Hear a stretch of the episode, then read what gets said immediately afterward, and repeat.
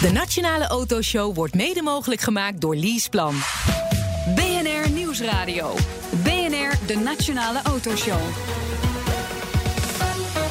Meindert en Wouter. Wagenziekte. Veel meer mensen dan je denkt hebben er last van. En de zelfrijdende auto kan het probleem alleen maar vergroten, Wouter. Ja, die rijden hartstikke soepel. Uh, maar als je dat allemaal niks vindt, dan zou ik nog even naar het Lauwman Museum gaan deze zomer. Dan het gewoon lekker zelf ja, harken en poken.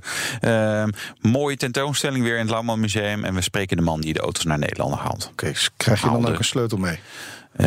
Mag je echt rijden? Nou, dat denk niet. ik niet. Nee, denk zelfs wij niet. mogen niet rijden, geloof ik. Maar je kunt het zo nog Wat? even vragen. Ik schrik hier een beetje van. Dat ja, wij niet mogen rijden. Nee, dat, ja, dat is, ja. Dat, dat, dat, dat is wel nou ja, een momentje. Ja. ja. Historisch welkom. moment. we mogen iets niet. Jeetje. Welkom een uur lang alles over auto's en mobiliteit. Hier op BNR Meepraten doe je natuurlijk via Twitter, het BNR Autoshow. Straks in deel 2 de helden van de weg. Ja, de bergers. Ze krijgen een uh, belangrijke rol bij het oplossen van het fileprobleem. Ik denk altijd, geef ze gewoon een bulldozer en schuif gewoon alles wat in de weg staat van, uh, van de weg af. Ik heb altijd de indruk dat ze het al heel goed doen vergeleken met andere landen. Ik heb wel eens het idee in Duitsland. Daar doen ze er heel lang over voordat er auto's weg worden gehaald die met elkaar in aanraking op zo'n niet zo'n positieve manier zijn geweest. Ja, dat is ook wel waar. Maar eh, ze gaan het nog beter doen. Okay, maar hoe? Dat gaan we straks al precies, horen. Want we beginnen met wagenziekte.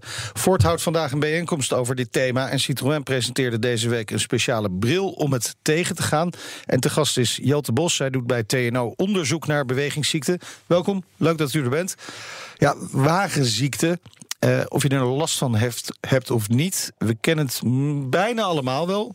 Maar hoe ontstaat het? Dat heeft alles te maken met uh, dat wij als mensen rechtop op twee benen willen staan. En wil je dat goed kunnen doen, heb je een evenwichtsorgaan bijvoorbeeld nodig. Ja. Een metertje wat meet hoe je beweegt in de ruimte. Dat ja. is dat evenwichtsorgaan, dat zit in je binnenoor. En als die iets anders vertelt dan wat je ziet, bijvoorbeeld, met je ogen, ja, dan heb je een probleem. Dan heeft ons centraal zenuwstelsel, onze hersenen hebben een probleem. Kijk, op het water gebeurt dat wel vaker. Er hebben heel veel mensen hebben last van, uh, van zeeziekte op het water. Uh, de een wat meer dan de andere. Verschilt ook per golfslag. Maar hoeveel mensen hebben nou last van wagenziekte? Tweederde.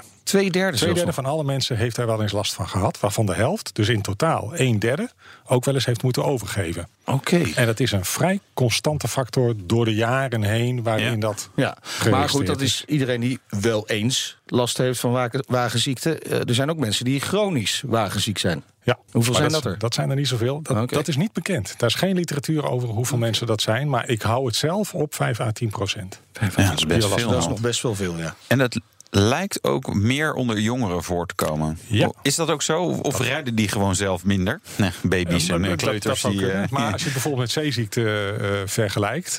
daar is het het beste in gescoord. Daar is het beste in gemeten. Dan zie je dat baby's, die hebben er geen last van. Nee. Tot twee jaar, dus tot ze okay. beginnen met kruipen en, en, en gaan lopen... hebben ze er geen last van. Ze kunnen spugen natuurlijk, maar niet ja. als gevolg van beweging. Dan neemt het toe tot een jaartje of twintig. En het verschil tussen een 20-jarige en een 80-jarige is ongeveer een factor 4. Dus een 20-jarige heeft er vier keer zoveel last van dan ja. een 80-jarige. Ja. En dat okay. neemt dan weer dat, is, dus, dat leerproces is Dus als je, als, je, als je oma uh, zeg maar ergens heen brengt, dan kan je gewoon lekker uh, doorknallen. en, en, en, zeg maar je vrienden in de auto, dan moet je wat rustiger rijden. Daar komt het dan maar. Dit heb ik vandaag geleerd. Nou, ja. ik heb weer wat nieuws ja, geleerd. Ja, wij hebben wel eens in, in, de, in de bergen ergens uh, een tas naar achteren gegeven aan mijn dochter. die even last had van wagenziekte. Alleen die tas was lek. Mm. dus daar moet je ook op letten. Ja. Ben, jij, ben jij wel eens wagenziek geweest, Meijnerd? Heel vroeger. Echt ja? heel lang geleden. Eén keer. Ja, ja ik, ik, ik heb er ook wel last van. Ik en ben misschien niet zo had dat mee, toch uh, meer te maken met het feit dat ik uh, inderdaad iets verkeerd had gegeten. Ja. Denk ik. Te veel vooral. Achterin. Nou, het kan ook zijn dat er is een filmpje op internet, uh, YouTube, van Damon Hill, die een journalist rondrijdt. Ja. Misschien ken je hem. Dan vliegt hij ook een ja, half door de lucht heen. Ja, en die gaat over zijn nek. Dus uiteindelijk, als je de beweging maar heftig genoeg maakt, dan. Dat is waar. over het algemeen, bij echt goede coureurs in de auto word ik niet misselijk. Omdat die heel voorspelbaar toch nog uh, rijden. En dan zeg je juist de mindere coureurs, uh, daar, ja, daar, hebben daar meer last van. Nou, die voorspelbaarheid is ook een hele belangrijke. En dat is ook de reden dat een bestuurder er over het algemeen geen, over het algemeen, over geen het last van heeft. Dat kan ook. Hè. Je kunt als bestuurder zelf ook gewoon een wagenziek worden. Maar toch? dan moet het een onverwachte omstandigheid zijn. Ja? Nee, ik, ik, ken ook mensen die echt gewoon zelf ja. rijden en gewoon nou, dan blijkbaar niet zoveel controle ah. hebben over wat ze zelf doen. Je mag voortaan met mij meerijden, Wouter. Ja, nee, Heel ik heb, nee, nee, ik, ik, heb er geen last van. nee, zeker niet met jou meerijden. uh, vanmiddag spreekt u op een uh, evenement van Ford. Waarom is dit onderzoek überhaupt gestart? Uh, wagenziekte was eigenlijk uh, niet echt een, een groot probleem voor de autofabrikanten. Omdat als je bekijkt dat twee derde van alle inzittenden van auto's nu bestuurders zijn. Die ja. zitten in een eentje in de auto. Nou, dat betekent dus maar een derde passagiers. En het zijn over het algemeen de passagiers die er last van hebben. Ja. Dan is die twee derde maal een derde is een minderheid. Met zelfrijdende auto's, als straks 9 van de 10 mensen passagier wordt, dus ook de bestuurder wordt passagier, dan wordt het een meerderheid. En daar anticiperen ze op. En ik denk dat dat ook een goede zaak is dat de auto-industrie dat zelf al aan het oppakken is. Het is nog wel interessant. Word je eerder wagenziek achterin of voorin? Of maakt dat niet uit? Ja, dat maakt uit. En dat heeft voor mij te maken wat je kunt zien. Want op de achterbank kun je veel minder anticiperen op wat er gaat komen. En dat geldt dan vooral weer voor kinderen. En zeker als het kinderen zijn die niet op een stoel voor ogen zitten... en die geen eens buiten het raampje boven het randje uit kunnen kijken. Ja, die hebben echt een probleem. Dus hoe meer je voorin zit, hè, of, of een tip voor mensen met meerdere, of die de ruimte hebben, zet het meest gevoelige kind, als dat nog niet voorin mag zitten, bij Zet dat middenin. Oh, middenin. Dat hij tussen de ouders door ja. naar voren kan kijken. En meestal heb je in het midden ook nog een beetje een verhoging. Eigenlijk zijn dit ook wel dingen die wij ook wel uh, weten. Hè? Door ervaring uh, kunnen we dat wel een beetje determineren. Maar jullie hebben ook echt onderzoek ernaar gedaan. Hoe begin je dat onderzoek? Want ik kan me voorstellen dat je niet allemaal mensen in de auto gaat zetten... en dan even lekker flink gaat scheuren. Nee, we doen het niet in de auto, maar in een lab doen we het wel. Oh ja? Ja, ja we hebben op het ogenblik een, bijvoorbeeld een lineaire een, een, een, een rails 25, uh, 45 meter een slee. En daar kunnen we dus mensen op versnellen en vertragen. En dat, uh, daarop kunnen wij heel goed uh, onderzoeken. En dan heb je dus het voordeel van een hele gecontroleerde beweging. Ja. Niet afhankelijk van het weer en niet van ander nee, verkeer. Precies. En uh, ja, het vervelende is dat die mensen wel een beetje misselijk zullen ja. worden. De, dus ga, je, ga, je dan door tot uh, lunch nee, nee. retour afzender gaat? Of uh, dat nee, niet? Nee, want dan moeten wij het opruimen. dat is, we kunnen wel zeggen van als je overgeeft moet je het zelf opruimen. Maar dat staat ook weer niet zo sympathiek. Maar, maar ehm, jullie doen er dus onderzoek naar. Andere uitkomsten die misschien wat minder voor de hand liggen. Wat, wat hebben jullie allemaal ontdekt? Misschien zeg je van ja, dat had ik ook kunnen verzinnen. Alleen het is met heel veel dingen de vraag van... is het dan het effect ook echt in een grotere, in een normale populatie... Ja. is dat effect dan ook aanwezig? En wat wij bijvoorbeeld hebben uitgezocht... dat is dat als je in een auto op een beeldscherm zit te werken... je zit een computertaak te doen... dan ben je eerst geneigd om dat ding op schoot te houden. Ja. Maar dan kijk je dus naar beneden... en dan zie je niet op de buitenwereld wat er gaat gebeuren. Nee. Dus we hebben dat een goed gecontroleerde taak... met een goed gecontroleerde beweging, wel in de auto... maar op een stuk weg vanuit Defensie konden wij dat bij Defensie mooi doen. Waar geen andere mensen reden. Mooi slalom. En dat hebben we twintig minuten lang gedaan. ik word er nu al misselijk nou, van dat ik eraan denk. Ja. Oh, we zoeken nog proefpersonen. Dus, nee, nee hoor, dank u. Gaat niet lukken. Nee. En uh, die mensen hebben dus één keer naar een die dezelfde computer laten, taak laten doen terwijl ze naar beneden keken. Ja. En één keer dat die computer op ooghoogte, ja. zodat je rondom het beeldscherm toch nog naar buiten kon kijken. Ja. En dan zie je dat dat inderdaad bij een wat grotere groep van proefpersonen, dat dat, wat wij dan zeggen, statistisch significant en ook een, met een aanmerkelijk verschil eruit komt. Nou heeft uh, uh, Citroën deze week een speciale bril op de markt gebracht om wagenziekte tegen te gaan. Geeft ook wel aan hoe serieus fabrikanten hiermee bezig zijn. Ja. Maar zo'n bril, hoe, hoe werkt dat? Het idee achter de bril is heel goed. Het idee daarachter is dat als jij naar buiten kijkt, dat de horizon een van de belangrijkste, best herkenbare ja. Structuren is, die altijd horizontaal staat. Ja, is op zee ook, ook altijd zo. Als je misselijk bent, moet je naar de horizon gaan nou, kijken. Precies, ja. dat idee. Dus de eerste brilletjes, want het is geen nieuw idee. En dit brilletje dat was ook al op de markt in een ietsje ander montuurtje. Maar ja. je herkent het één op één. Dus ik denk dat zij het gewoon hebben overgekocht. Ik weet het niet. Dat is mijn pakje verder ook niet aan. Maar het idee is dat je dus vlak voor de ogen zo'n kunstmatige horizon aanbrengt. Oh ja. En dat hebben ze niet, dat hebben ze niet alleen voor zeg maar de rolbewegingen gedaan. Dus als je uh, ach en wee zit te ja, knikken. Ja, ja. Maar ze hebben het ook gedaan voor als je een ja-knikkende beweging zou maken met twee twee lusjes waar vloeistof in zit ja. aan de onderkant. Het is een soort waterpasachtige het is een, Het is een waterpas. Ja. Maar dat geeft ook meteen aan waar de tekortkoming zit. Okay. Want een waterpas. uit. Die gaat. ga ik een poging te doen. Ja. Een waterpas gaat niet alleen het belletje kantelen als je de waterpas kantelt. Maar als je de waterpas heen en weer beweegt, moet je maar eens proberen. Ja. Dan gaat het belletje ook heen en weer. Ja. Dat gebeurt in deze, in deze bril ook. Oké, okay, dus hij werkt niet perfect. Kan nee, hij kan zelfs verkeerde oh. informatie geven. Hey, dat is één ding. En het andere is, in de 3D-wereld waarin wij leven, heb je zes vrijheidsgraden van beweging. Je hebt dus voor achterwaartse translaties, links, rechts, naar boven en onder. En je hebt drie rotaties. En van die zes geeft dit brilletje maar terugkoppeling over twee. Twee, ja. En we weten dat dat onder bepaalde omstandigheden al wel kan helpen. Maar dat in combinatie met dat hij het ook verkeerd kan doen, heb ik een beetje mijn twijfels bij, eh, bij deze bril. Maar het idee erachter is niet verkeerd. Oké.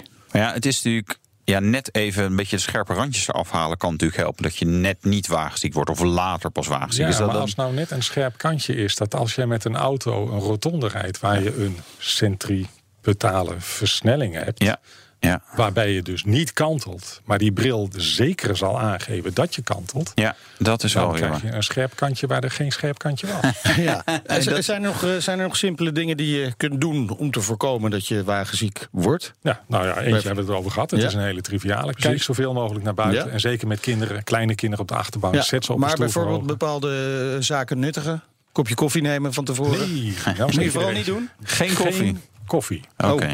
Nee, en dan moet je als je van jezelf weet dat je gevoelig bent, moet je een paar uur van tevoren al mee beginnen om geen koffie meer te drinken. Oké, En, waar- en waarom geen koffie? De oorzaak van bewegingsziekte, de oorzaak, mind my words, zit in je binnenoor. Mensen die geen werkende evenwichtsorganen hebben, ik heb er eentje meegenomen, dus jullie kunnen het wel zien. Het is een heel klein dingetje. Eh, Hij is maar een half centimeter groot, dat zit in je binnenoor en daarmee voelen wij, daar heb je dus eentje van in je linkeroor Ja. en eentje in je rechteroor, daarmee kunnen wij bewegingen voelen.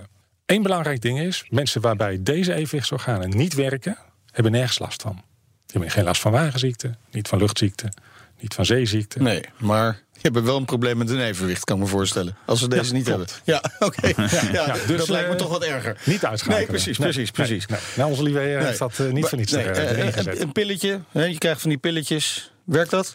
Ja, pilletjes werken. Oh, mooi. Alleen, ze hebben wel bijeffecten. Ja. Droge mond is er eentje. Nou, Ja. daar kun je overheen komen. Neem je lekker kopje koffie. Een andere is dat ze slaperig maken. Dus voor autorijden, of als jij zelf niet autorijdt, maar je zou daarna nog moeten presteren. Je moet alert zijn. Je moet machines eh, bedienen of wat dan ook. Ja. Geen optie. Maar voor de kinderen op de achterbank natuurlijk briljant. Ideaal. Eh, vol duwen met die pilletjes, worden slaperig. En, eh, nou, Hartstikke mooi. Ja, ja. Hartelijk dank voor uw komst. Jelte Bos, TNO-onderzoeker bewegingsziekte. Wij gaan straks wel lekker even een kopje koffie nemen. Later, ja, toch? precies. En zometeen hoor je alles over een bijzonder Mercedes autosportcollectie... die vanaf dit weekend te zien is in het Lauwman Museum. BNR Nieuwsradio. De Nationale Autoshow. Tijd voor het nieuwsoverzicht van deze week. Ja. Wouter, ons favoriete onderwerp. Tesla. Moet het echt? Ja, nou ja. ja, nou weet je, ze hebben het gewoon gehaald. Dus dat is Ah, op zich eh, chapeau. natuurlijk eh, positief. 7000 eh, Model 3's, zeven dagen. Dat tweette Elon Musk. Het Oh ja. woordje in miste daartussen. Dus het was niet helemaal duidelijk of het nou echt 7000 auto's in zeven dagen. Ah, dat zal hij wel maar, bedoeld hebben. Nou ja, goed, dat maakt niet uit. Ja, en de, de grote vraag is het lek boven. Ja, dat vind ik een beetje moeilijk te bepalen. Omdat je ook wel weer in april en mei, hè, na, toen was, dat was het begin van het vorige, Ja. van, van, ja, van het vorige kwartaal. Ja, eh, zag je toch weer verstoringen in productie. Was het allemaal weer wat minder. Dus, dus hè, om dit continu te blijven volhouden, eh, is ook nog wel wat eh, werk Nou ja, nodig. dat, hè, want je moet ook, de leveranciers moeten dat ook kunnen bijbenen natuurlijk. Dat is één ding. En zonder Tesla te willen bashen, ik vraag me wel af hoe goed deze tranche in elkaar zit. Als Dat- in een tent gebeurt met heel veel Ja. handwerk, heel veel extra Ja. handjes die Ja. eraan toegevoegd zijn. Op het laatste moment nog niet zo goed getraind misschien. Dat, dat, ja, dat, dat, dat blijft een risico. Kijk, ze, ze, scherpen, ze zeilen scherp aan de wind. Dat absoluut. Dus dat, dat is een, eh, een, eh, een risico.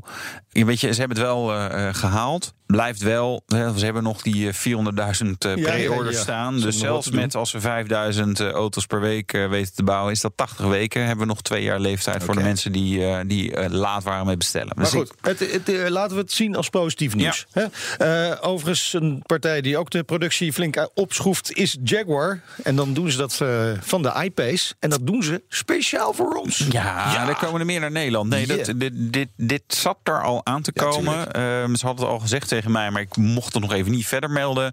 Ze hebben op dit moment iets van 2000 orders. En waarschijnlijk gaan ze weer nog zo'n aantal er, erbij krijgen. Nog dit jaar. Dat is belangrijk. Want Ja. die bijtelling gaat natuurlijk omhoog voor auto's Boven boven, de 50, 50.000 ja. euro. Je gaat trouwens ook bij Tesla zien dat die eh, nog een lekkere verkooppiek eh, gaan krijgen dit jaar eh, in Nederland. Maar ja, heel goed nieuws voor, voor Jagger. Want die iPad ja, is gewoon een briljante auto. Dus ik, ik kan hem van harte aanbevelen. Oké, mooi. Eh, dan staatssecretaris Snel van Financiën. Die pakt import van eh, fraude. Nou, Ja. niet zozeer import van fraude. Hij pakt importfraude aan. Importfraude, ja. ja. Nou, ja hij doet zijn eh, naam geen eer aan. Want zijn voorganger Erik Wiebes riep twee jaar geleden al bij ons in de show... dat hij dit toch echt ging aanpakken. Ja. En de grap is, ja, ik geloof daar niet zo in. Omdat, niet? Nou ja, Belastingdienst. Dus, dit- weet je, die, die hebben gewoon moeite om alles ja, georganiseerd te krijgen. hebben ze moeite. Ja, en dat, en dat ligt niet aan de mensen die er werken. Maar er zijn gewoon heel veel mensen weggegaan. Het is een complexe materie. Ze werken met oude systemen. Ja. Dus denk je, ja jongens, ga je Ja, dit maar nou hoe, voor hoe elkaar? zou je het moeten doen, Wouter? Ja, kijk, je kunt frauderen met auto's door bijvoorbeeld de mooie lichtmetalen velgen of het leren interieur eruit te halen of schade delen aan een auto eh, zeg maar, te hey, voegen. toe te voegen. Dus je haalt het mooie spatbord wat heel is eraf en je zet er eentje beschadigd op. Ja, weet je, dan moet je bijna een soort eh privé-detective, eh, zeg maar een beetje de rechercheur zijn om, om dan bij dat bedrijf later te gaan maar goed, klopt je kunt wel? natuurlijk wel kijken. Hè, de meest voorkomende fraude, daar kun je wel een alarmbelletje laten gaan. Ja. Op het moment dat dat binnenkomt, hey, Ja. even checken. Ja. Ja, maar het, het is ook symptoombestrijding. Kijk, uiteindelijk is BPM, hè, die eh, belasting op nieuwe auto's, moet worden afgebouwd. Moet ook van de EU worden afgebouwd. Is ook beloofd. Gebeurt, Gebeurt maar niet. feitelijk niet. Nee. Eh, en voor import eh, zijn er gewoon rechtelijke uitspraken. Van, joh, zo'n auto is niet nieuw, dus je mag erop afschrijven op die belasting. Ja, jongens, weet je, ga gewoon eh, daarmee echt aan het werk om die BPM gewoon af te bouwen na- of om te bouwen naar iets anders. BNR Nieuwsradio. De Nationale Autoshow. Ja, er komt nog even een tweetje binnen, Wouter. Die had ik net nog niet gezien. Over wagenziekte. Chris Heiligers die vraagt ons: normaal worden je passagiers misselijk. Maar hebben jullie jezelf wel eens misselijk gereden?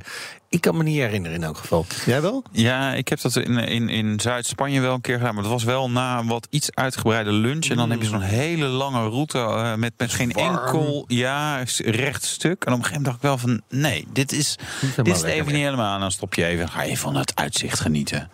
En daarna weer verder blaffen Ja. met die auto. Met, eh, over blaffen met auto's gesproken. Nou, ja, Dit weekend vroeger opent werd een- er ja, eh, nou, pas echt geblaft och, met auto's. Precies. Vroeger was alles beter. Zo is dat. Dit Ja. weekend opent een bijzondere tentoonstelling eh, Mercedes autosportwagens in het La Haagse Lauwman Museum. En de man die dit mede heeft mogelijk gemaakt is Ja. hier nu in de Mede studio. mogelijk gemaakt Ja, door, door- Huub Dubbelman. Zo, dag Huub. Leuk dat je er weer bent. Dankjewel. Eh, dankjewel. we kennen je natuurlijk als perschef van Mercedes-Benz Nederland. Ja. Dat is waar eenmaal. Dat is waar eenmaal. Ja. Maar je hebt dus nog niet helemaal afscheid kunnen nemen van dat prachtige merk. Nee, zeker niet als je aan dit soort auto's mag meekijken. Ja. Echt eh, ongekend natuurlijk wat daar staat eh, in rij bij het uh, Lauwe Museum. Maar nu je weg bent bij Mercedes, Ja. wat vind je nou echt een gaaf merk? wat, wat, weet je, wat zou je nou nog een keer willen hebben? Nu kan je gewoon vrij praten. En nu is het eindelijk. eh, De, de, eh, Ja. nou, daar hoef je niet zo gek ver vandaan bij Nee. waar zij eh, hun auto's bouwen natuurlijk. Eh, in Stuttgart is er nog een ander merk. ja. Ah, ja. Waar ik ook ja. altijd wel een zekere voorliefde voor Ja. heb gehad. Dus ja, ja ik hoef niet ver eh, te leuke, reizen. een dan. leuke 911 dan. Bijvoorbeeld, of ja. Heb ik ook gehad, maar eh, Vroeger. te vroeg afscheid van gedaan. een- ja. ja. Doe je met oude auto's, hè? behalve wanneer er een museum voor is. Ja. Zeg, zeg Huub, we zijn natuurlijk hartstikke enthousiast allemaal over Max Verstappen. Zeker eh, sinds hij eh, afgelopen weekend weer een eh, prachtige eerste plaats heeft eh, gehaald in Oostenrijk. Maar jij Ja. bemoeit je ook een beetje tegen de Ja, maar ik ben, hier 1 voor, ik ben hier natuurlijk vooral om even na te Ja, praten maar over. Ja, ja, ja. Maar hoe zit dat? wel. Hoe Ja. zit dat? Ja, het gaat eh, reuze benieuwd natuurlijk wat er dit weekend eh, gebeurt met hem. En eh, je weet, er zijn verschillende partijen in Nederland buitengewoon geïnteresseerd om de Grand Prix naar Nederland te halen. ja. Er wordt ook door veel mensen naar gekeken. In Den Haag, in de, eh, we lezen erover. En eh, nou ja, dat is heel, heel goed. En ik denk dat eh, we voor het eind van het jaar wel weten of dat ook haalbaar is of niet. Maar wanneer. zit jij dan in de Zandvoorthoek? In de Ik ben neutraal. Ik Ben ben neutraal. Ja, ik ben neutraal. Ja. Ja. Ben je ook echt neutraal of heb je wel een voorkeur? Ik, je hebt namelijk wel een foto meegenomen. en die is niet van, die is, prachtig? die is Ja, die niet van. Assen. Nee. Nee, Nee, dus ja, maar in, eh, die jaren was Assen wel bekend van TT. Dat moet Ja. ze ook blijven. Ja. Maar dit is de foto die ik heb Ja. meegenomen... is natuurlijk eh, gekoppeld aan de tentoonstelling in Den Haag. Ja. Waar je op de foto Van Jo en Mos ziet in een eh, historische race. 55, 1955 op Zandvoort. 100 ronden, 0,3 seconden verschil over op de lijn, bij- op de finishlijn. Ja. Eh, Toen kon dat ook, hè? Want toen konden ze, zaten ze, dan hadden ze minder last van elkaar. Slipstream en de vuile lucht Ja, erachter. eh. hoewel deze al wel vleugels hadden. Ik weet niet of je hebt gezien, maar achter de voorwielen zitten de aerodynamische delen. Oh ja. Die, eh, die Ah, we dat mag eh, geen naam hebben, zo'n vleugeltje. Dat is Ja, heel dat- klein. maar dat Ah, is bent helemaal voor de begin. Ja, ja, ja. Ja, ik hou hem even voor de webcam. Dit is de. Gerlachbocht. De En het ging Gerlachbocht. erg hard. Ja, we hebben daar ook een fragmentje over. Dus als mensen nu naar de webcam gaan kijken... dan kunnen ze ondertussen het plaatje erbij zien. Een soort televisie. Oh, Toen de wagens hun eerste ronde van 4 kilometer hadden afgelegd, had zich al een kopgroep van drie losgemaakt. De Argentijn Fangio met Mercedes, zijn landgenoot Musso met Maserati en de Brit Sterling Moss eveneens met een Mercedes. Na 20 ronden lagen Fangio en Sterling Moss alleen op kop, tot groot genoegen van hun baas Neubauer. Een baas van een kerel. Ja, het commentaar van Wouter eh eh, Karsen senior. Ja, zo destijds. is het, ja. het Polygoonjournaal. Wel mooi. Philip Bloemendaal. Ja. Ja, dit- tuurlijk. En Ja. deze auto's ja. Heb jij naar het Lauwman Museum gehaald. Nou, dat is natuurlijk vooral de verdienste van eh, eh, de Niet zo familie Lauwman. Ja. eh, die een uitstekende relatie hebben met eh, het Classic Center... waar deze auto's toe behoren. Ja, nou ja, dat komt omdat eh, eh, meneer Lauwman reed met zijn dochter, de Mille Miglia, ook in een vooroorlogse eh, Mercedes. Ja, hij heeft natuurlijk een, een waanzinnige... eh, hij heeft verschillende prachtige Mercedes-auto's in Ja. de collectie. En er zijn verschillende waarmee hij dus de, de hele wereld afreist. En Ja. onder, onder andere dus de Mille Miglia. En daar, eh, eh, hij is natuurlijk ook al klant van het Classic Center. Maar ze gebruiken bij het Classic Center... bij bepaalde tentoonstellingen auto's van de Lauwman-collectie... Ja. die zij zelf niet hebben. Maar je moet me toch even uitleggen, hè? want dit wordt een tentoonstelling Silver Arrows Ja. in het Lauwman Museum. Ja. Maar ik meen me te herinneren dat hij hier al een keer was. Nee, ja, je, Nee? ja, je hebt wel gelijk. Dat waren de vooroorlogse racers. Dus de auto's uit 38 Oh, ja, en 39. dit, dit zijn allemaal naoorlogs. En dit- deze auto's komen uit de periode 54-55. Oké. Waarbij eigenlijk de start werd gemaakt met de 300 SL. Eh, Ja. Die we later als vleugeldeur hebben leren kennen. Ja. Maar er zijn natuurlijk raceversies van gebouwd in die periode. Die waren extreem succesvol met die, met die coureurs. En ja, andere ook nog volgens eh, mij heb ik daar ook een fragmentje van. Ja, klopt. Dus, dit is de 300 SL. Het geluid van 300 SL die daar staat is nummer 417. Dat is de sportscar klassewinnaar van de Mille Miglia 55. Wauw. Ja. Ja. Gaaf ding. Het, het, het rijdt ook nog allemaal? Alle, nou, dat is natuurlijk. tenzij ze in restauratie zijn, maar alle auto's die het museum beheert, eh, die kunnen rijden. Dat is eigenlijk ook de overeenkomst met veel van de auto's van Lauwman. Eh, die, eh, die graag zijn auto's rijdend houdt eigenlijk. Maar goed, staan ze eenmaal in het museum, wordt het wel Dus- lastiger. Oké, dus de 300 SL, die uit eh, 52, Ja, die staat er. Tweede, ja. Ja, de, de 300 SL Gullwing. Die staat er in, eh, in een, eh, een sportscar-versie, zoals ze dat dan noemen. De, de Formule 1 racers, hè, de stroomlijnversie en de auto waar we net het van Ja, hebben gehoord. ja, hè, de auto's van, eh, van Mos en, eh, en op beeld in ieder geval die van Fangio. Ja. Eh, dan staat natuurlijk de Ulenhout Coupé. Eh, De, eigenlijk wordt gezien als een van de duurste auto's ter wereld.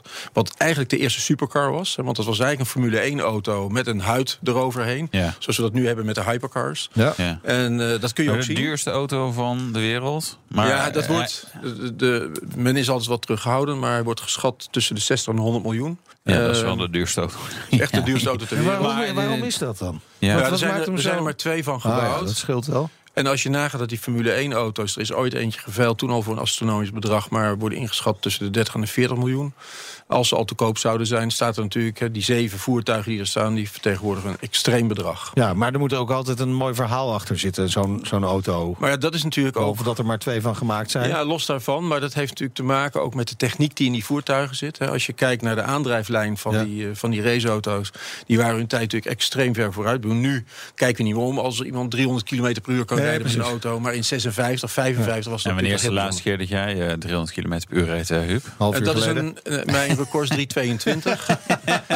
En dat was op de weg van Dubai naar eh, Abu Dhabi. De SLR Sterling Moss. Ja, de, juist, die, die, juist. de eh, McLaren, eh, Mercedes Ja. McLaren. Toen Ja, jullie maar- nog verkering ja, hadden ja. met McLaren. Ja, dat, was, dat, dat is waar. Meijnerd, heb jij wel een keer al 300 plus gereden trouwens? Dit jaar nog niet. Dit jaar nog niet. Nee, Nee. dit jaar moet nog gebeuren. Ja. Er, heb ik het Doe je best. Ja, ik heb al goed. Ik moet wel even plannen. Misschien, ik ga, ik ga nog naar Portugal op vakantie heb je zo'n zo'n eh, tolweg waar niemand rijdt. Het, Ja. ja, Kan daar kan je het wel... Of naar het circuit daar. Hè? Ja, dat Ja. kan ook Dat vind je niet zo, niet zo Ja. hard rijden. Nee, dat is waar. Hey, maar eh, eh, tegenwoordig, we zeggen altijd eh, in die Formule 1-auto's... die techniek die daar wordt gebruikt... die komt uiteindelijk ook in de, de gewone wegauto. Was, was dat destijds ook Ja, zo? met deze auto natuurlijk ook. Als je kijkt naar de technieken die toegepast werden in het voertuig, gebruik van materialen, Mhm. eh, lichtmetaal natuurlijk, aluminium, magnesium, elementen uit de remmen, aansturing van een versnellingsbak.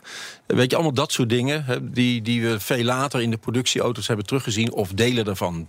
In die zin is, er, is dat vergelijk er wel. Is vrij gemakkelijk te maken. Ja, dat Ja, klopt. ja. Ik heb nog zo'n fragmentje.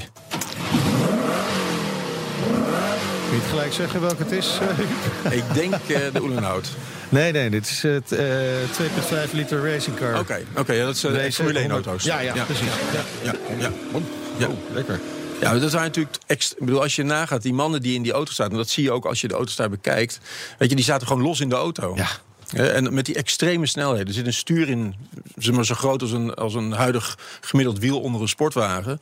eh, om, om eraan te sleuren. Dat waren echt eh, potente mannetjes die daarin. Het was toen wel echt een mannen, eh, Echt een mannensport. Echt mannensport. Ja, Ja. nog steeds Formule 1 eigenlijk geen vrouwen. Dat Nee, is- hebben we niet. ja, een we hebben een paar keer Ja, een testen, poging gehad. ja, ja, ja. is toch heel fysiek, maar was destijds ook. Nou, had ik net die lullige vraag. Zo, van, joh, hey, ik zie daar de nummer 1 en nummer 2 op de Zandvoort. Ja. En nummer 1 is er niet, hè? Nummer 2 wel. Nou, eigenlijk is het zo dat nummer 1 is er wel, maar die hangt aan de muur. Hè, want dat is de auto die deel uitmaakt voor het affiche. ja. En nummer 2 Ja. staat er. Oh, nummer 2. En, en wat, Maar wat is er met nummer 1 staan- gebeurd dan? Ja. Nou, eh, misschien weten jullie uit je eigen historie. Er is natuurlijk het beroemde Goodwood Festival. Ja. In dezelfde periode. je moet je natuurlijk Ah, voorstellen, zo'n auto gaat twee maanden uit een collectie op een podium. Nou, dat is Ja. bijna bij dat soort auto's niet te doen. Dus eh, dat was even een, eh, een, eh, een discussie. Maar goed, eh, eh, de nummer 10 die er staat... is de auto waar Sturm Ja. de meeste wedstrijden mee gereden heeft. En de nummer 8, waar Vanjo mee gereden heeft... die staat in Goodwood volgend weekend. Hoe, hoe is het je gelukt om al deze auto's naar Nederland te krijgen? Nou ja, kijk, de, de samenwerking die tussen, hè, zoals gezegd, tussen eh, de familie Lauwman Ja. en Ronald Koyman als directeur Nee, van het museum. En, het, eh, en de jongens van het Classic Center, die is natuurlijk heel goed. Ja. Ik had het voordeel dat ik eigenlijk alle partijen ook kende, dus dat hielp wel. We hebben vorige week ook nog met een paar van de auto's gefotografeerd op Zandvoort. Eh, onder andere voor de Mercedes Oh, kalender. wel nice. En dat, dus die, die, al die linken konden wat Ja, makkelijker gelegd worden. En dat is denk ik ook de reden waarom ze mij Ja, gevraagd en, want het is vrij uniek. Het is absoluut uniek. Eh, ik bedoel, ik heb zelf dat lang voor het merk gewerkt natuurlijk. Ja. Maar het is me nooit gelukt om een eh, Silver Arrow naar Nederland te krijgen. Omdat gewoon, ja, die auto's reizen over de hele wereld. En als je nu ziet, hè, er staan zeven voertuigen. Waarvan dan één transporter en zes racers. Dat is echt eh, heel bijzonder. Heel mooi. De Silver Arrows tentoonstelling te zien vanaf eh, dit weekend tot 2 september in het Lauwman Museum in Den Haag. Dus de hele zomervakantie. Kun je, de hele, kun je gewoon Ja, thuis blijven en Ja, gewoon elke dag naar het Lauwman Het is Museum. ook heerlijk cool in het museum. Ja. Als het je een dagje te veel wordt, ga je gewoon daar naartoe. Dankjewel voor je komst naar de studio. Graag gedaan. Huub Dubbelman. En zometeen. Ja, hoe gaan bergers de files te lijf? En jij, Meijnerd, Lucky Boy, reed in de echte enige Mitsubishi Eclipse. Oh ja, wauw, dat was een gave week. Tot zo. De Nationale Autoshow wordt mede mogelijk gemaakt door Leaseplan. BNR Nieuwsradio. BNR, de Nationale Autoshow. Meindert en Wouter. Ze zijn de helden van de weg, Wouter. De bergers, vaak met gevaar voor eigen leven, op of langs de snelweg. Ja, je zou zo zo'n documentaire kunnen inspreken daarover. Ja, spanning, spannend muziekje eronder. Eh, maar goed, als het aan het kabinet ligt... krijgen ze een nog belangrijke taak... in het eh, verder terugdringen van aan. files. Maar of de gemaakte plannen goed genoeg zijn, dat valt te bezien. Daar hoor je zo meteen meer over. En dan ook een rijimpressie in de Mitsubishi Eclipse Cross... met een opmerkelijk vormgegeven achterkant. Maar vooral die achterkant doet me wel een beetje twijfelen, hoor. Oh. Twijfelen, waaraan? Aan je persoonlijkheid, Dat je- mannelijkheid. dat- nou, daar twijfel ik nooit over, Nee? Wouter. Is het trouwens de. Eclipse Cross? Of, want hier staat de Eclipse Nee, het is Cross. de Eclipse Cross. Dus, oh, dus staat van de zonsverduistering. Oh, oh, wat leuk. Hij is heel mooi in het donker. Heb je een, vraag of wil je met ons Ah, meepraten? Dat kan via Twitter. @BNR. Ik praat er gewoon keihard doorheen. Doe dat. @BNR Autoshow. De ANWB kwam deze week met nieuwe filecijfers. De filezwaarte, lengte maal de duur van de file is dat... steeg in het eerste halfjaar met 20 procent. En Ja. bij het oplossen van het fileprobleem krijgen bergers een belangrijke taak. Te gast dit half uur Bob, eh, Rob, moet ik zeggen, excuus, Rob de Jong. Hij is voorzitter van de Vereniging van Bergings- en Mobiliteitsspecialisten, de VBM. Welkom, leuk dat je er bent. Ja, dankjewel. Eh bergings- en mobiliteitsspecialisten, is er een verschil tussen die twee? Ja, zeker. In het verleden waren wij natuurlijk alleen eh, de bergingsspecialisten. Dus van de oudsher, zeg maar, eh, de jongens op de kraanauto's, taco-auto's. Ja. Toere gasten. En we, ja, de helden van de weg. En we hebben onze scope verbreed. Want de toekomst eh, zal natuurlijk meer eh, gebruik gemaakt kunnen worden van onze 7, 24 uur diensten. Eh, we kunnen meer dan alleen maar auto's bergen. We kunnen ons zelf gaan beveiligen. Een belangrijk aspect. Hè? Dus wat nu de werkstructuur zeg maar, doet van Rijkswaterstaat. Wij willen daar een, toch wel een hele goede, belangrijke rol in gaan spelen. En met name dan over de kortstondige beveiligingen. Dus wij rijden nu aan met een bergingsvoertuig naar een pechstranding. Ja. En dan staat het voertuig verkeersgevaarlijk. Ja. Dan moeten wij wachten op een ja, ja, ja, en dan zijn wij met eh, 13, 14 minuten te plaatsen. En dan komt de werkinspecteur, omdat het te weinig zijn. Die komt van ver, soms van 50 kilometer. Ja. En dan ik staan we dacht, twee ah, minuten te wachten. Ambtenaren die drinken nog even een bakje koffie op. Ja, het is gewoon pauze. Hè? Of valt dat wel mee? Het Zijn Nou, die mannen die werken Hebben ze die hard. koffie op, worden ze misselijk in, de, in de auto? Ja, Ja, dat is toch wel nou, weet, je, weet, je, weet je wat het is? Die mannen die eh, doen ontzettend hun best, maar die komen van ver. Er zijn er te weinig. Momenteel 260. Er komen er 60 bij, weer 320. Ja, nog steeds te weinig. Nog steeds te weinig. Het gaat om heel Nederland. Soms komen ze uit eh, Zeeland om in Brabant een, eh, een pechstranding te beveiligen. Ja, dat is niet handig. Nee. Dat is helemaal niet handig. Nee. En dan gebeurt er in Zeeland wat en dan moeten we Nou, weer terug. dan draaien ze weer om. Hè? Dus Ja. hebben ze mooie blauwe Ja. lampen voor gekregen en sirenes. En dan kunnen ze snelheid maken. Ja, oh, dat zou ik ook willen trouwens. Maar Ja. goed, dat is wat anders. Oké. Ander onderwerp. Oké, ja, eh, de core business, gaan we daar even toch naartoe, eh, blijft het bergen van voertuigen natuurlijk. Hoe, hoeveel bergers zijn er op dit moment actief in het land?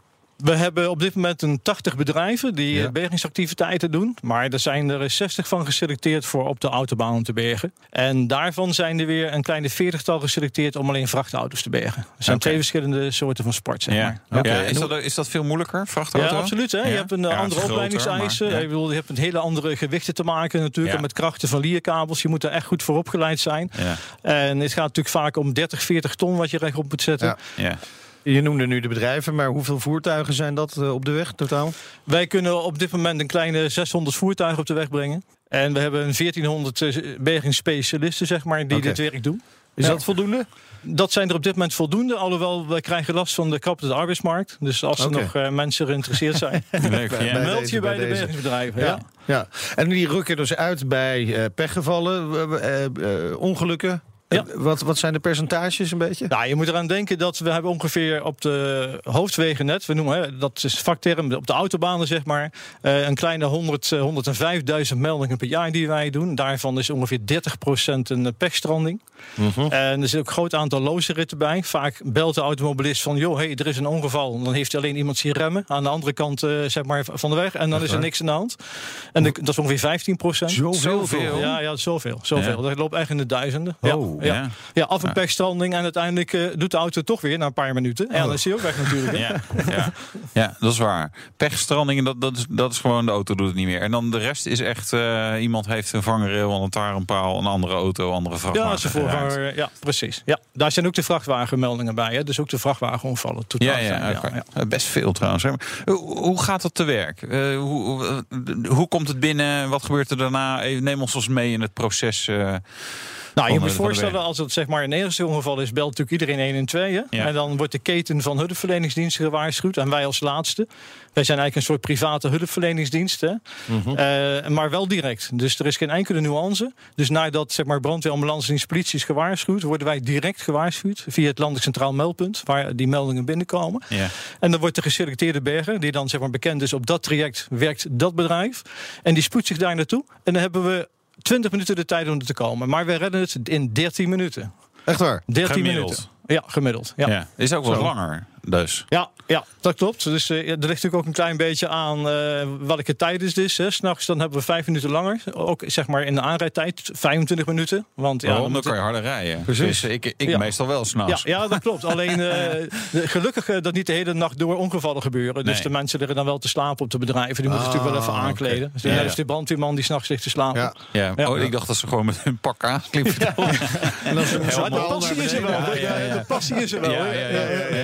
Ja, mijn zoon die kijkt brandweerman Sam, die is in die leeftijd. Ja, Ja, dus die, die is ja. altijd snel te, te spruiten. Maar Oké, maar dit is Nederland. Hoe, hoe is dat Europees? Doen we het een beetje goed? Wij doen het hartstikke goed. Ja, en eh, ja, we zijn eh, wat betreft Europees gezien de snelste bergers. Het is ook heel goed georganiseerd. Hè? Dus door Wereldkampioen. Europees kampioen. Ja, Europees kampioen, zeker. Dat zeker. Ja, absoluut. Nederlandse bergers zeker. ja. En dat komt ook door het mechanisme wat erachter zit. Rijkswaterstaat heeft er wel goed ingeregeld. hè. Met vaste bergers, je weet wie Ja, er komt. het is wel interessant wat je zegt, hè? want eh, bergers die actief zijn op een eh, gebied, op een, op een weggedeelte, is dat helemaal verdeeld? Ja, dat is exclusiviteit. Dus eh, ieder drie jaar zeg maar, dan wordt het getenderd. Dat is een Ah, Europese tender.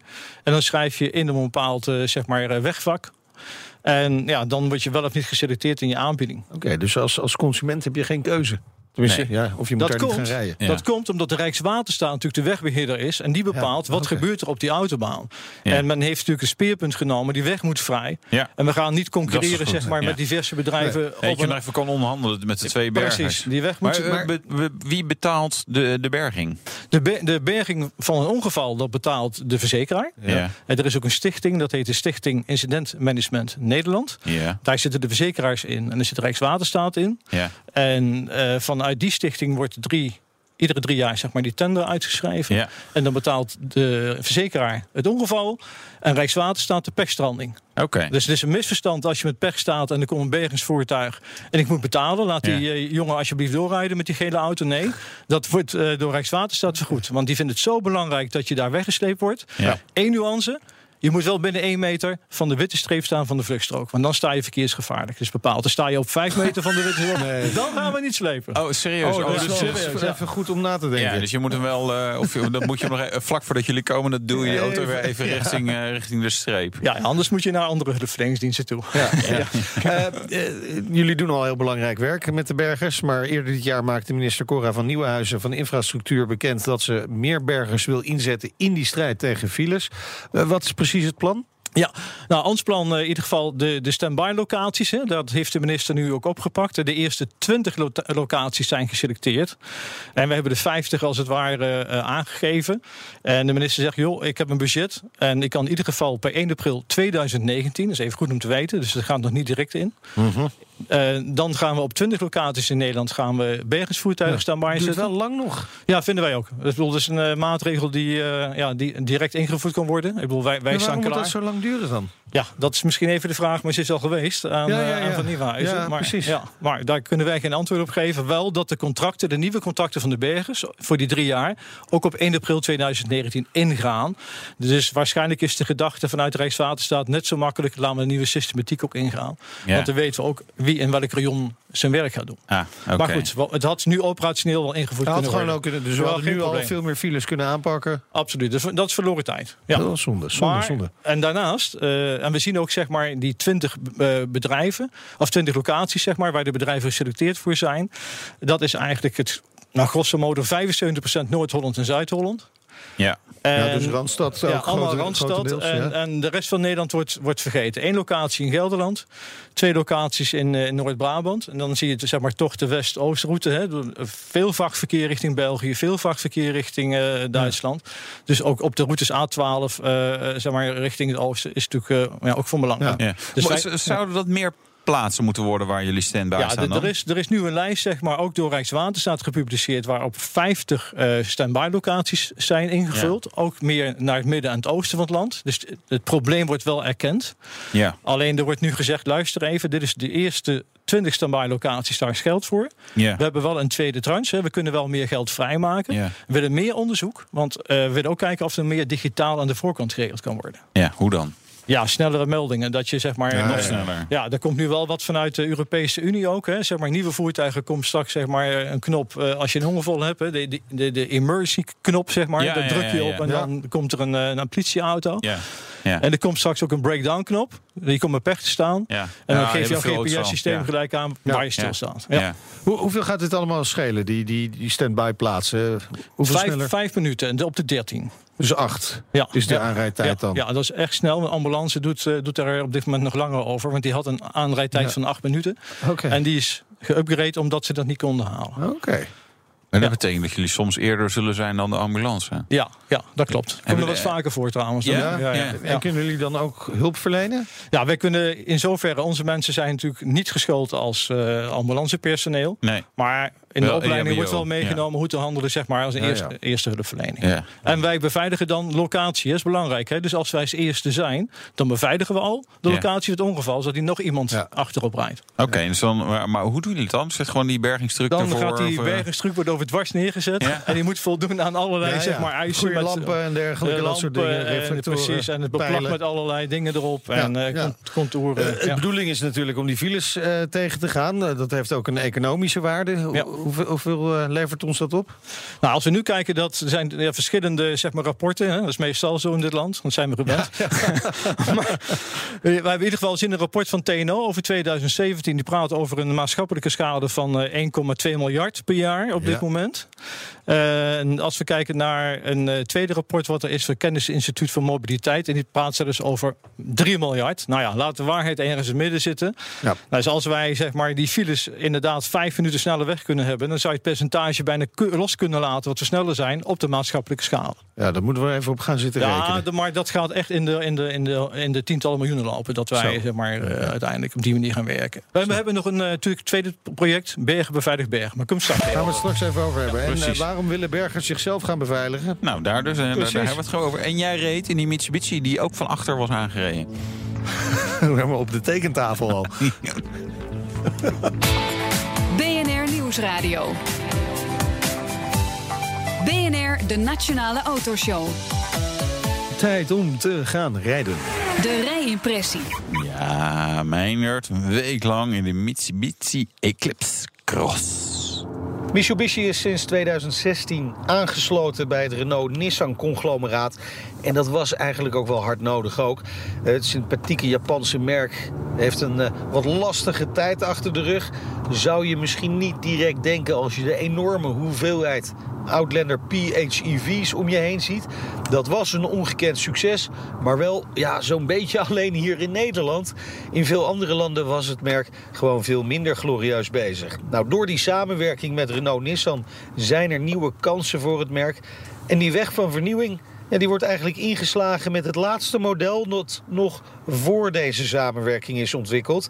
De Eclipse Cross. Ja, alsof dit het eerste zonnestraaltje is na een periode van zonsverduistering. Wat betreft de omvang past die eigenlijk wel heel mooi tussen de ASX en de Outlander in. En dat is op zich wel slim natuurlijk. Want er is ongelooflijk veel vraag naar auto's in die klasse. Kleinere SUV's. Nou word ik niet direct heel enthousiast van de eerste aanblik. Ja, Mitsubishi moet het wat spannender merk worden binnen die samenwerking met Nissan en Renault. Wat dat betreft kun je dan natuurlijk voor een crossover kiezen van een SUV en een coupé. Doen wel meer merken. Het gevaar is wel dat het al heel snel misgaat. Nou wil ik de Eclipse Cross niet direct een mislukking noemen. Maar vooral die achterkant doet me wel een beetje twijfelen hoor. Door die coupé-lijn blijft er slechts een klein schuin achterraam over. En om dat een beetje te verhelpen is er een extra ruitje ingezet onder dat achterraam in feite. Gevolg is wel dat er ja, een hele dikke balk tussen zit. Niet echt een hele fraaie oplossing wat mij betreft. Het front van de auto ziet er ja, eigenlijk wel weer goed uit. Vandaar toch een beetje die twijfel. Nou, waar de buitenkant echt wel gedurfd te noemen valt, is de binnenkant ronduit saai. Geen spannende materialen, geen opvallende designoplossingen. Maar ja, misschien wil de koper van een Mitsubishi dat ook helemaal niet. Wat die ongetwijfeld wel wil, is een goede uitrusting qua apparatuur en een goede aandrijflijn. Nou, daar is in elk geval wel voor gezorgd. De Eclipse Cross wordt in ons land eigenlijk heel goed uitgerust. En dat heeft ook te maken met de motor. Hij is namelijk voorzien van een 1,5 liter turbomotor met 163 pk. En dat vindt op zich de Fiscus heel erg fijn, want je mag daardoor flink wat BPM aftikken. Nou, om die pijn een beetje te verzachten krijg je dus standaard een hoop zaken die het leven van de automobilist een stukje aangenamer maken. De motor is ook wel lekker actief. En echt opvallend vind ik de automaat eh, met CVT. Ik hoor je al denken, oh nee, geen CVT. Normaal verwacht je dan een hoop geloei en weinig actie. Maar in dit geval blijft dat geloei gewoon heel mooi achterwege... mits je de automaat zijn werk laat doen. En ga je zelf aan de slag met de flippers achter het stuur... Ja, dan wordt het een stuk lastiger om die CVT koers te houden. Instappen doe je vanaf net geen 30.000 euro. Dit is de wat rijkere uitvoering met meer opties. 44.000 euro, waarvan 11.000 BPM. Dat je het even weet. En daar nog heel veel mooie uh, motorgeluid. Ik hoor je nou niet. Dus wel ja. CVT, het maar het valt mee. Het valt en, en welke erg... kleur uh, heb je hem besteld? Uh, rood. rood, ja. Ja, ik, ik, ik, voelde wel dat dit niet helemaal jouw nee. auto nee. is. Nee, nee, nee, nee, Voor wie is het wel een auto? Ik denk voor de ge gepensioneerde, gezellige... Ja, het zijn wel degenen die nieuwe auto's kopen, die hebben er geld voor. Ja, precies. Wij niet. Ja. Wij moeten ja. die scharrige tweedehandsjes. Ja, maar... Dus jij ook toch? Of heb ja. je, heb je... Ik heb een scharrig tweedehandsje, ja zeker. Ja. Ik ook, ja. Afgeblaft voor iemand anders. Ja, wat moeten we met deze auto? Wat zou jij ermee doen? Nou, ik denk dat ik het wel weet qua achterkant. Die vond jij niet zo mooi. Mag maar dan met het eindoordeel komen? Terug naar de tekentafel. Zo is het maar net. BNR Nieuwsradio. De Nationale Autoshow. Goed, gaan wij lekker door met de autoshow. Te gast is Rob de Jong, voorzitter van de Vereniging van Bergings- en Mobiliteitsspecialisten, de VBM. Bergers werken op of langs de snelweg, dag en nacht, 24 uur, 7 dagen in de week. Dat brengt risico's met zich mee. Jullie gaan zelf die beveiliging op orde brengen. In ieder geval, dat willen jullie. Maar dat betekent dus ook wel dat het werk gevaar met zich meebrengt. Hoe gevaarlijk is het? Dat klopt. Ja, het is natuurlijk zeker als je binnen die meter van die witte streep af staat of vluchtstrook, is het natuurlijk hartstikke gevaarlijk. Uh, vrachtauto's die voorbij komen, zeg maar ook al door de zuiging is het al zeg maar gevaarlijk. Oh, ja. Dan hoef je nog ineens uh, geraakt te worden. Er zijn ook uh, precies een paar. Ja, word je gewoon echt tegen die. Ja, dan word je meegezogen. is één collega voor een jaar of 25 geleden bij overleden. Die is meegezogen, stond op de bak van een bergersvoertuig en een voorbijrijdende vrachtauto oh. van de bak afgezogen, overleden. Helaas. Nou, dus het is super. Het blijft levensgevaarlijk. Vandaar dat wij ja. de minister voorgesteld hebben hebben, laat ons bij kortstondige beveiligingen, dus bij die pechstrandingen, laat ons als bergers die dat gelijk beveiligen. We rijden met twee auto's. Bergersvoertuig kan direct voor de pechstranding geplaatst worden, kan in de kraan uh, zeg maar gehangen worden. En de tweede voertuig staat erachter. Dus je hoeft niet nog eens een keer om die auto heen te rijden om hem later zeg maar te nee, takelen. Nee. Want anders ja. is jouw eerste opdracht als je als eerste komt achterstaan. En daarna er voorbij. Dus dan moet die rijstrook weer afgekruist worden. Allemaal niet nodig. Ja. Tweede auto erbij, geen gedonder. Alleen maar dan wordt het wel twee keer zo duur. Ja, inderdaad, dat wordt twee keer zo duur. Maar wat is veiligheid? Het is natuurlijk en snelheid. Hè? Die auto is sneller weg. Die, ja. die, dus dat is, dat is onze besparing. Waarom, waarom is die sneller weg? Waarom is die sneller weg? Want Omdat we niet op die weginspecteur hoeven okay. te wachten. Want die weginspecteur die is altijd zeg die maar. Is nog even ja, die is nog even onderweg. Die, die was in kant van Zeeland met mooie weer natuurlijk, waar we net over hadden. Koffie op het strand. Maar, maar die moet we ooit een weginspecteur nodig hebben. Maar die moeten vooral, nee, maar de weginspecteurs moeten vooral zijn goed opgeleid. En die mensen, dat wil ik wel echt even benadrukken, zijn goed opgeleid.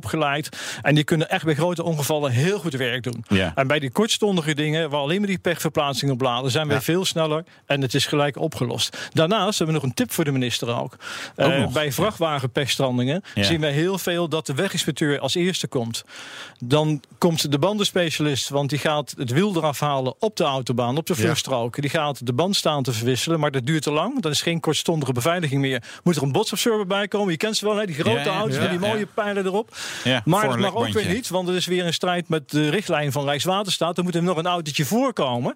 en dan staan we dus met z'n drieën erachter te wachten. Ja. Kost heel veel geld. Minister, laat ons gelijk die auto wegslepen. Er zijn rapporten dat wij zeg Nou. maar tot 12% sneller zijn Dat dan het had ik me wel eens bedacht in, met, dat, dat ze zo'n lekker band staat. Dat, maar dat hoeft toch ook in na? Je kunt hem toch gewoon weghalen en, en ergens anders maken? Dat kan dus gewoon. Ja, natuurlijk, dat is geen probleem. Dan slepen wij hem naar de Ja. eerste beste parkeerplaats. Maar volgens mij heeft de minister dit ook gezegd, hè, dat ze dit heel graag wil.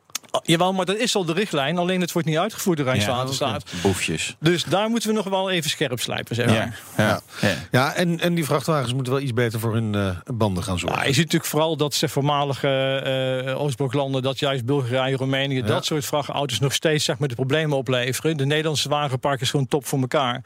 En je ziet gewoon dat met name uit die landen heel veel pechstrandingen zijn. Nou, en dat, dat zijn ook de problemen, zeg maar. Ja, ja zie, zie je, kan je, dat kan je wel een beetje uittekenen dat daar Ja, verschillen kan je in zijn. absoluut uittekenen. Ja, ja. Ja, want van alle pechgevallen met vrachtwagens is ongeveer 40% een, een lekke band of een eh, klapband. Ja zeker. zeker. Ja. Ja. want ten opzichte van ongevallen zeker is het veel meer natuurlijk die Ja, pechstrandingen. ja, daarmee zou je dus heel veel vertraging kunnen voorkomen. Maar goed, eh, eh, eh, tot die tijd, totdat eh, ook Oost-Europese vrachtwagens een beetje beter voor hun banden zorgen. Gaan jullie dat allemaal oplossen? Je had het net over die weginspecteurs. Er zijn er ook een beetje weinig van. De minister heeft er wel 60 extra toegezegd. Dat klopt, er zijn er 320, hè? we hadden er 260. Nou ja, dan blijven 7 dagen in de week, 24 uur per dag, heel Nederland met 320 mensen Ik toch heb heel het gevoel lastig. dat het te weinig is. Precies, ik denk dat eh, zegt. het arbeidstijdenrooster daar niet helemaal voldoet dan zeg maar aan de, de norm. Oké, Ja. dus daar moet meer Maar komen. hoe- hoeveel mensen zouden daarbij moeten komen?